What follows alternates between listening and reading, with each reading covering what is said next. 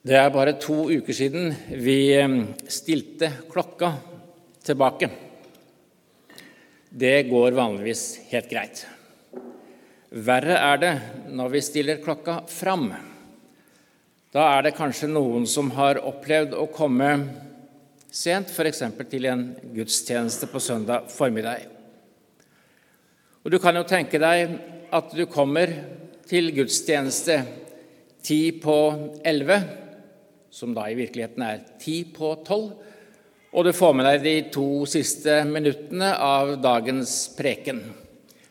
Da står man jo overfor den muligheten at man kanskje ikke helt forstår hva presten snakker om, fordi man skjønner ikke helt hva har han snakket om før. Det er noe som, ikke, det er noe som mangler for å forstå det hele. Og Vi står egentlig i den samme situasjonen når det gjelder dagens prekentekst. Prekenteksten, slik den er satt opp, omfatter seks vers av det lange kapittel 6 i Johannesevangeliet, som består av hele 71 vers. Og For at vi skal forstå teksten i dag, så må vi vite litt om det som står foran. Det begynner dette kapitlet med at Jesus metter 5000. Det var populært, eh, og den beretningen den slutter med en kommentar om at Jesus forsto at de med tvang ville gjøre ham til konge. Altså Hvis det er en fyr som kan skaffe mat sånn ute i ørkenen, så er det en nyttig fyr for oss, tenkte sikkert folk. Men da står det at Jesus trakk seg tilbake, opp i fjellene, han alene. Litt senere fortelles det at folket lette etter Jesus og de fant han til slutt på den andre siden av Galileasjøen. Og Der er det fortsatt en samtale mellom folket og Jesus. Og Jesus oppfordrer dem til å tro på meg, sier han. Men da spør folket, ja, hva slags under kan du gjøre, så vi kan se det og tro på deg? Og For å antyde det han det folk hadde i tankene, så sier de våre fedre spiste manna i ørkenen. Som det står skrevet, brød fra himmelen ga han dem å spise. På det utsagnet svarer Jesus ganske kjapt og sier, det er ikke Moses som har gitt dere brødet fra himmelen, men han sier, det er min far som gir dere det sanne brød fra himmelen. Guds brød er det brød som kommer ned fra himmelen og gir verden liv. Og da blir folk igjen interessert. Ja, Herre, gi oss alltid dette brødet, sier de. Og Jesus fortsetter da og sier, Jeg er livets brød. Den som kommer til meg, skal ikke hungre, og den som tror på meg, skal ikke tørste. Jeg er livets brød som er kommet ned fra himmelen. Det var et utsagn som skapte ganske store reaksjoner i forsamlingen. Hvordan kunne Jesus si dette? De snakket sammen og sa men denne Jesus fra Nasaret, vi kjenner det han. Han er sønn til Josef. Ja, Vi kjenner både moren og faren hans. Eh, hvordan kan han da si at han er kommet ned fra himmelen. Det gir ikke noe mening, sier folk. Og Så fortsetter en lengre samtale om hva dette brødet fra himmelen er. Og først så kommer dagens prekentekst. I oversikten over prekenteksten i dag så står det at vi skal begynne i vers 63, men jeg har tatt meg den frihet å begynne i vers 60, fordi det er der dette avsnittet egentlig begynner. Og da leser vi fra Johannes 6, 60 til 69. Mange av disiplene hans sa da de hørte det, dette er harde ord. Hvem kan høre på slikt? Jesus visste med seg selv at disiplene hans murret på grunn av dette, og han sa, Gjør dette at dere faller fra? Hva så når dere ser menneskesønnen stige opp dit han var før? Det er Ånden som gjør levende. Kjøtt og blod duger ikke. De ordene jeg har talt til dere, er ånd og liv. Men det er noen av dere som ikke tror. For Jesus visste fra første stund hvem som ikke trodde, og hvem som skulle forråde ham, og han sa til dem:" Derfor sa jeg til dere, ingen kan komme til meg uten at det ble gitt ham av min far. Etter dette trakk mange av disiplene seg unna og gikk ikke lenger omkring sammen med ham. Da spurte Jesus de tolv, vil også dere gå bort? Simon Peter svarte, Herre, hvem skal vi gå til? Du har det evige livs ord, og vi tror og vet at du er Guds hellige. Hellige Far, hellige oss i sannheten.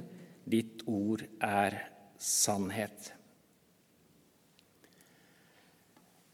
Det vi altså har hørt litt om fra Johannes 6 nå, er at det Jesus sa, det skapte reaksjoner. Ikke bare var det kritiske merknader fra fariseere og skriftlærde, men også fra hans egne disipler, dvs. Si de som fulgte ham fast, som gikk sammen med ham. I alle evangeliene så ser vi jo at Jesu forkynnelse og gjerning skaper skillelinjer i folket. Noen tok imot hans ord, men de aller fleste avviste det. Og dette får på sett og vis en teologisk forklaring i teksten som vi leste, når Jesus sier, 'Ingen kan komme til meg uten at det blir gitt ham av min far'. Det er også et ord som kanskje høres litt eh, merkelig ut. Ingen kan komme til meg, ingen kan tro på meg uten at min far har gitt det. Det er et ord som faktisk har skapt problemer gjennom historien. Eh, mange har syntes dette er vanskelig å forstå og akseptere. Er det slik at ingen kan komme til Jesus, ingen kan tro på han, uten at det er Gud som virker i ham eller henne? Fra kirkehistorien så vet vi at dette har vært diskutert, og særlig kalvinske teologer har kommet til den konklusjonen, den klart ubibelske konklusjonen, at det er noen som er utvalgt til frelse, og noen til fortapelse. Det kan jo ikke være meningen, for det står klare ord i Bibelen, f.eks. i 1. Timotius 2, hvor Paulus skriver Gud vil at alle mennesker skal bli frelst og lære sannheten å kjenne. Kristus døde for hele verden, for alle mennesker, til alle tider. Det er ikke noen som er holdt utenom. Men det Jesus sier, viser at det å komme til Jesus og tro på ham, det er ikke noe som kommer av seg selv, noe som vi på egen hånd kommer fram til. Det er ikke resultatet av vår streben eller våre avgjørelser, men det er et resultat av Guds gjerning i oss, eller Den hellige ånds gjerning, som Luther så veldig tydelig sier i forklaringen til den tredje trosartikkel. La oss høre den. Jeg tror at jeg ikke av egen fornuft eller kraft kan tro på Jesus, min Herre, eller komme til ham.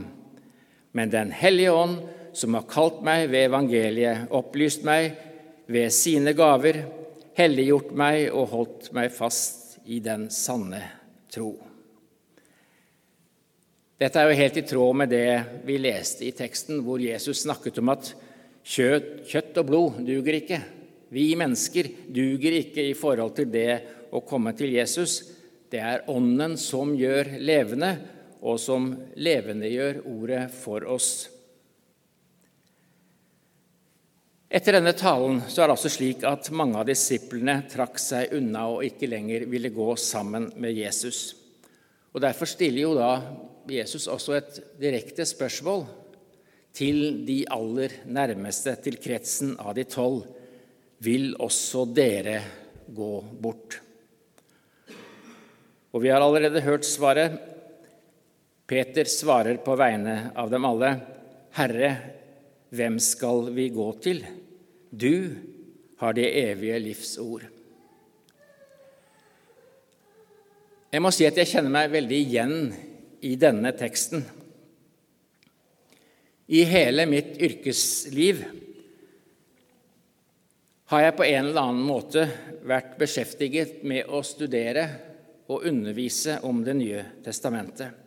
Jeg har fordypet meg i tekstene og lest kommentarer, noen gode og noen litt mindre gode, men iallfall kommentarer som skulle gi hjelp til å forstå tekstene. Og likevel det er masse jeg ikke forstår. Og enda viktigere i forhold til dagens preken det er mange ord som jeg oppfatter som harde, urimelige, urettferdige. Det er veldig mange ord i Skriften om de mest sentrale ting som faktisk liksom bryter mot noe av det en selv kanskje tenker. I de store spørsmålene om frelse og fortapelse så er det mange ubesvarte spørsmål. Og stilt overfor sånne harde ord og andre spørsmål om hvorfor Gud f.eks. ikke griper inn i en verden hvor det er så mye lidelse og elendighet, ja, da kan man jo være fristet til å si at ja, dette kan jeg ikke gå for. Man kan være fristet til å trekke seg tilbake, droppe troen. Jeg kjenner mennesker som har gjort det, som har vært i samme situasjon som meg, som har jobbet med Det nye testamentet et helt liv, men som på slutten av sitt liv faktisk trakk seg bort fra troen og det kristne fellesskapet. Men hva er alternativet? Hvem skulle jeg ellers gå til? Svaret er at jeg har ikke noen andre å gå til enn Han som har det evige livs ord. Og Det var altså akkurat disse siste eh, ordene her som slo meg da jeg leste denne teksten på nytt for noen uker siden. Du har det evige livs ord. Hva betyr det? Det er mange som gjennom historien har stått fram og ment at de hadde svaret på de store spørsmålene. Mange som har ment at de kunne gi oss mennesker et bedre liv, ja, til og med vise veien til evig liv. Men Jesus skiller seg fra de andre. Han er ikke bare en som har det evige livs ord. Han er selve livets ord.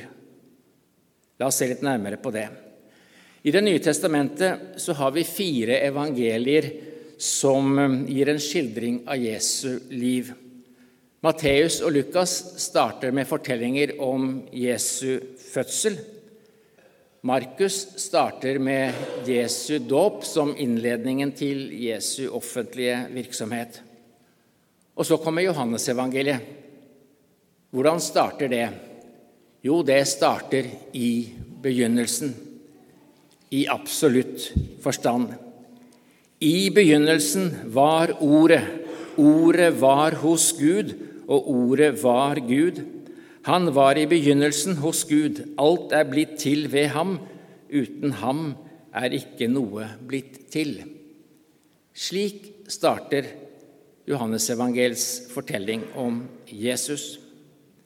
Han begynte ikke sitt virke da han ble døpt av Johannes i Jordan. Han begynte sin virksomhet ved tidenes begynnelse. Paulus sier noe av det samme i Kolossebrevet. For i ham er alt blitt skapt, i himmelen og på jorden, det synlige og det usynlige, troner og herskere, makter og åndskrifter.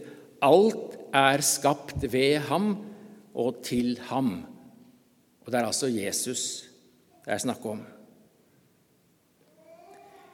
Han er det vi kan si et fint, med et fint ord personifikasjonen av Guds ord. Og det mest oppsiktsvekkende med dette Gudsordet, dette skaperordet, er at det ble menneske. Det er høydepunktet på sett og vis i Johannes evangeliets første kapittel. Og ordet ble menneske og tok bolig iblant oss. Det er et av mine favorittord i Bibelen. Da jeg var teologistudent ja, for sånn ca. 50 år siden, så var det kanskje studiet av Johannesevangeliet som ga meg aller mest. Og Jeg husker fremdeles noe av den enorme gleden og forundringen over liksom, dybdene i det som skrives i Johannesevangeliets første kapittel. Og dette ordet som jeg nå siterte, har på sett og vis blitt et fundament for min teologi. Ordet om ordet som ble menneske. Som ikledde seg kjøtt og blod. Dette er et ord som er veldig viktig å få med seg, ikke bare for å forstå hvem Jesus er, men også for å forstå hvordan Gud forholder seg til denne verden og til oss mennesker. Tanken om at Gud åpenbarer seg for menneskene, er kanskje ikke så oppsiktsvekkende. Dette leser vi om i mange sammenhenger. Vi kan hente fram et par episoder fra Det gamle testamentet. Før Gud åpenbarte seg på Sinai, så sa han til Moses at folket skulle gjøre visse forberedelser. De skulle rense seg og vaske klærne og vente til Gud på den tredje dag skulle stige ned på Sinai-fjellet. Og, og Gud sa til Moses, du skal trekke opp en grense foran fjellet og si, vokt dere for å gå opp på fjellet eller røre ved foten av det. Hver den som rører ved fjellet, skal dø. Og Så venter de til den tredje dagen, og da står det at det begynte å tordne og lyne. Det la seg en tung sky over fjellet, og det gjallet høyt fra bukkehorn. Hele folket skalv av redsel da de så at Sinai-fjellet sto i røyk fordi Herren hadde steget ned på det i ild. Denne gudsåpenbaringen, det var kraftige og imponerende greier, vil man kanskje si. Og slik var det også for Jesaja den gang Gud åpenbarte seg for ham i tempelet, mens serafer ropte 'Hellig, hellig, hellig er Herren Sebaot'. Og det står at røsten av de som ropte, fikk boltene i dørtersklene til å riste, og hele huset ble fullt av røyk. Slik heter det i Jesaja 6. Det var overveldende, og det var skremmende. Ja, det var så skremmende at Jesaja roper ut, 'Ved meg, det er ute med meg'.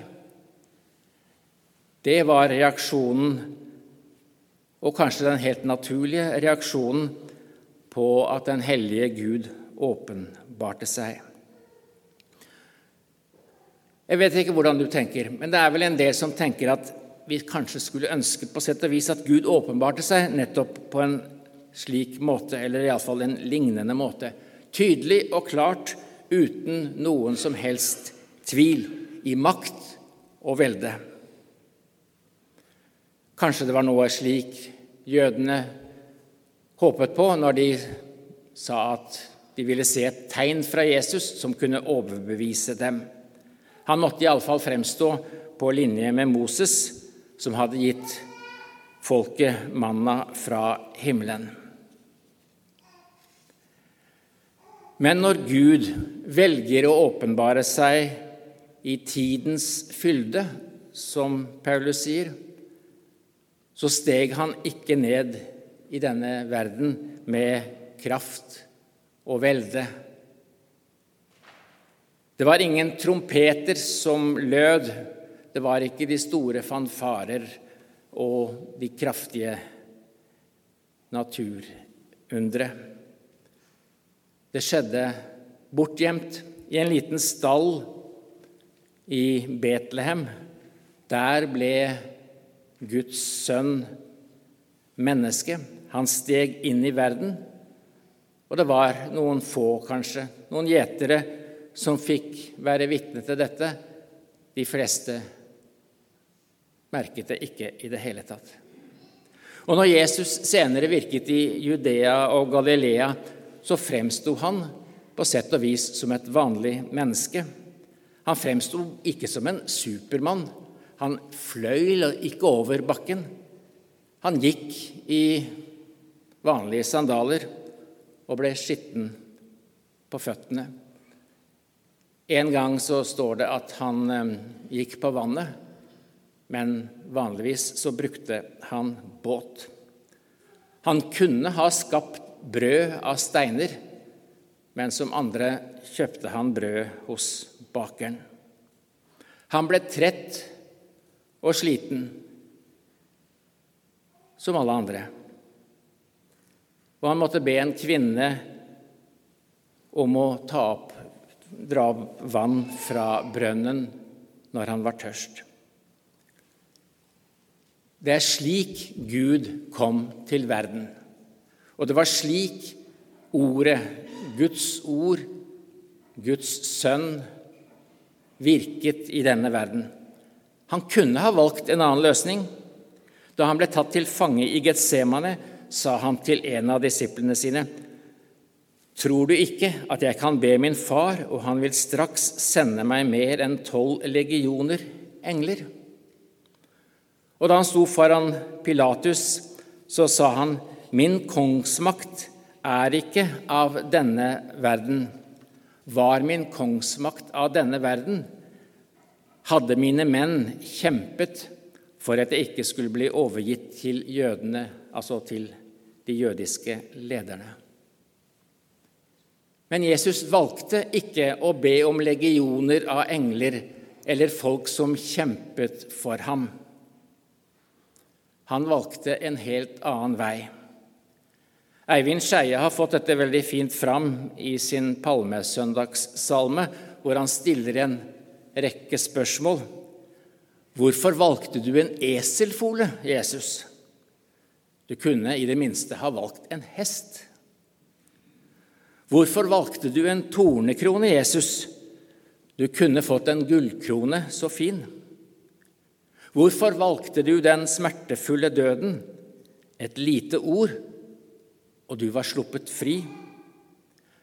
Alt kunne blitt så annerledes, Jesus. Takk at du ikke tenker slik som vi. Nei, da Gud kom inn i vår verden, åpenbarte han seg ikke med makt og herlighet.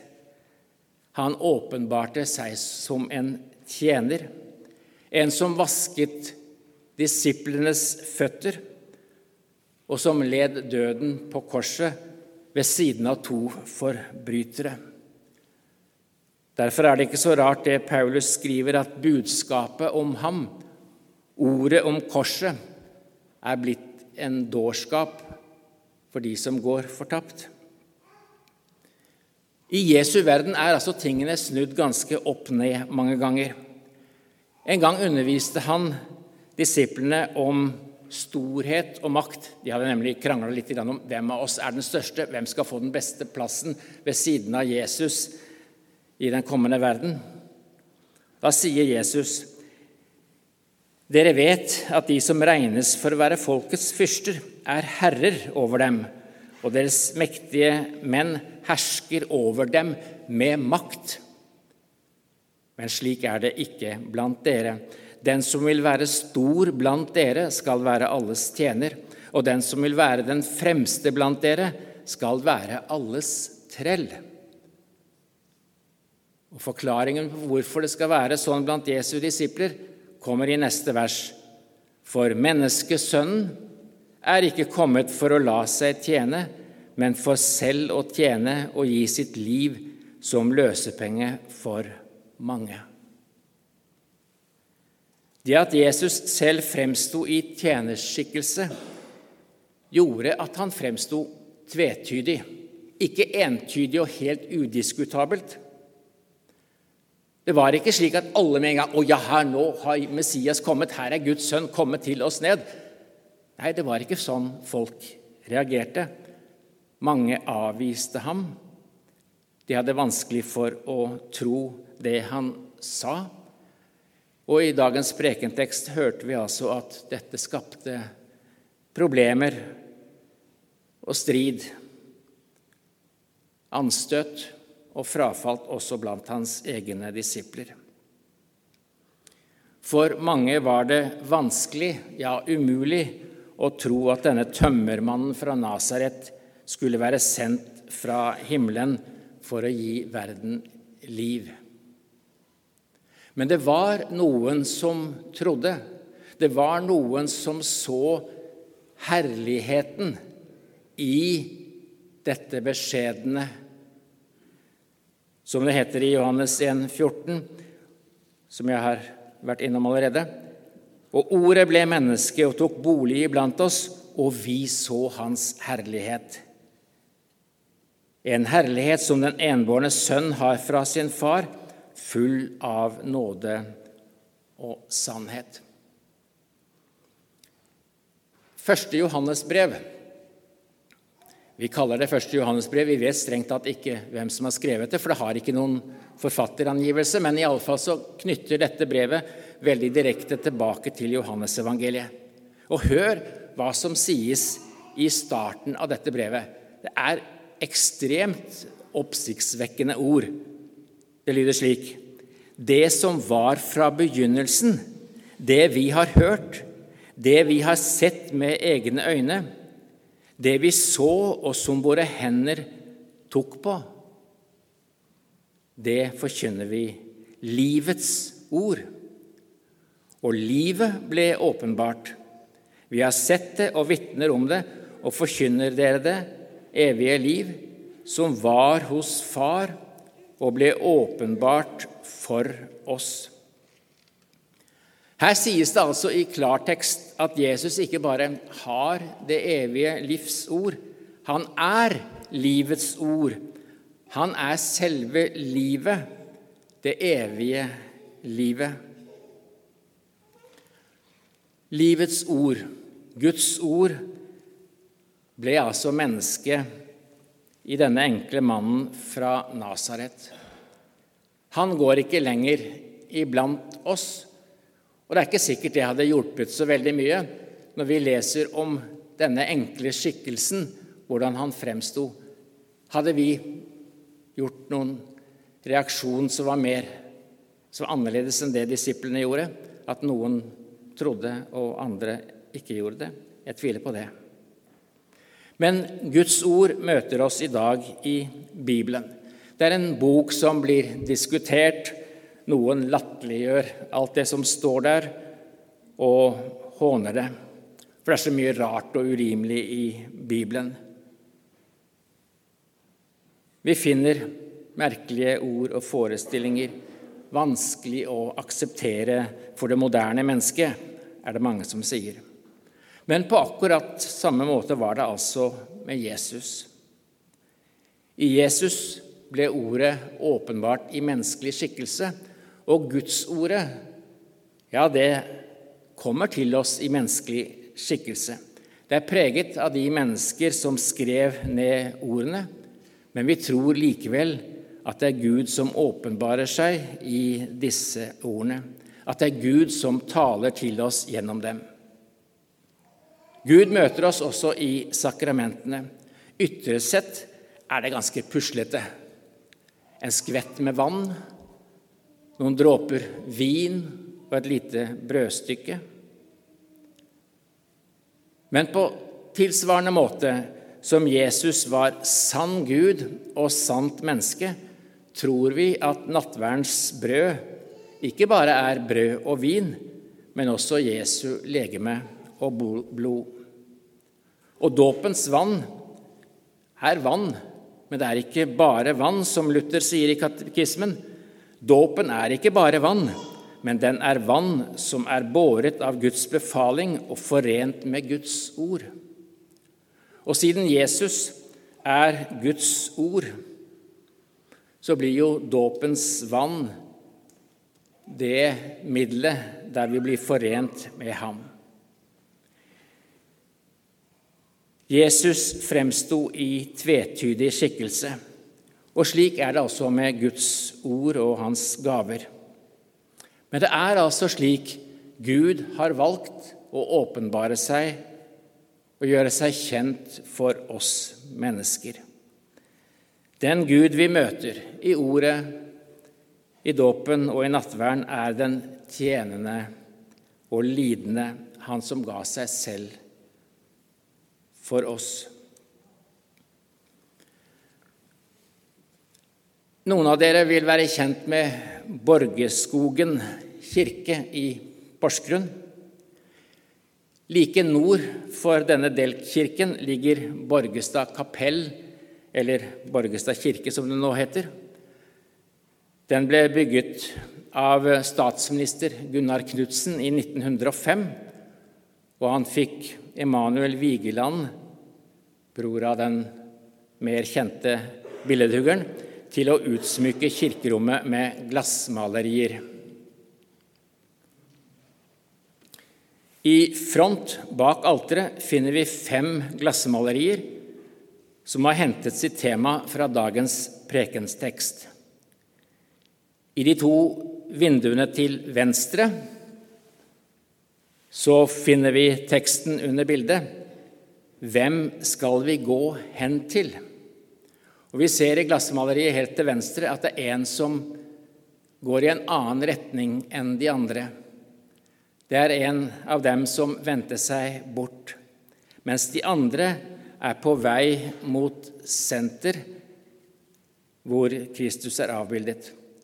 Og så i bildene til høyre så ser vi også noen mennesker som vender seg altså mot midten av disse bildene.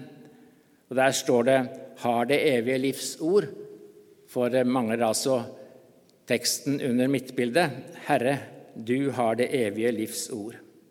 Og De bildene vi her ser, viser altså mennesker på vei til Jesus. Men den Jesus som fremstilles, er tornekronet og såret. Det er slik livets ord fremstår i denne verden. Såret, bloddryppende, fordi han ga livet sitt for oss. For at vi skulle få del i livet. Så da er altså spørsmålet hvem andre skulle vi gå til enn ham?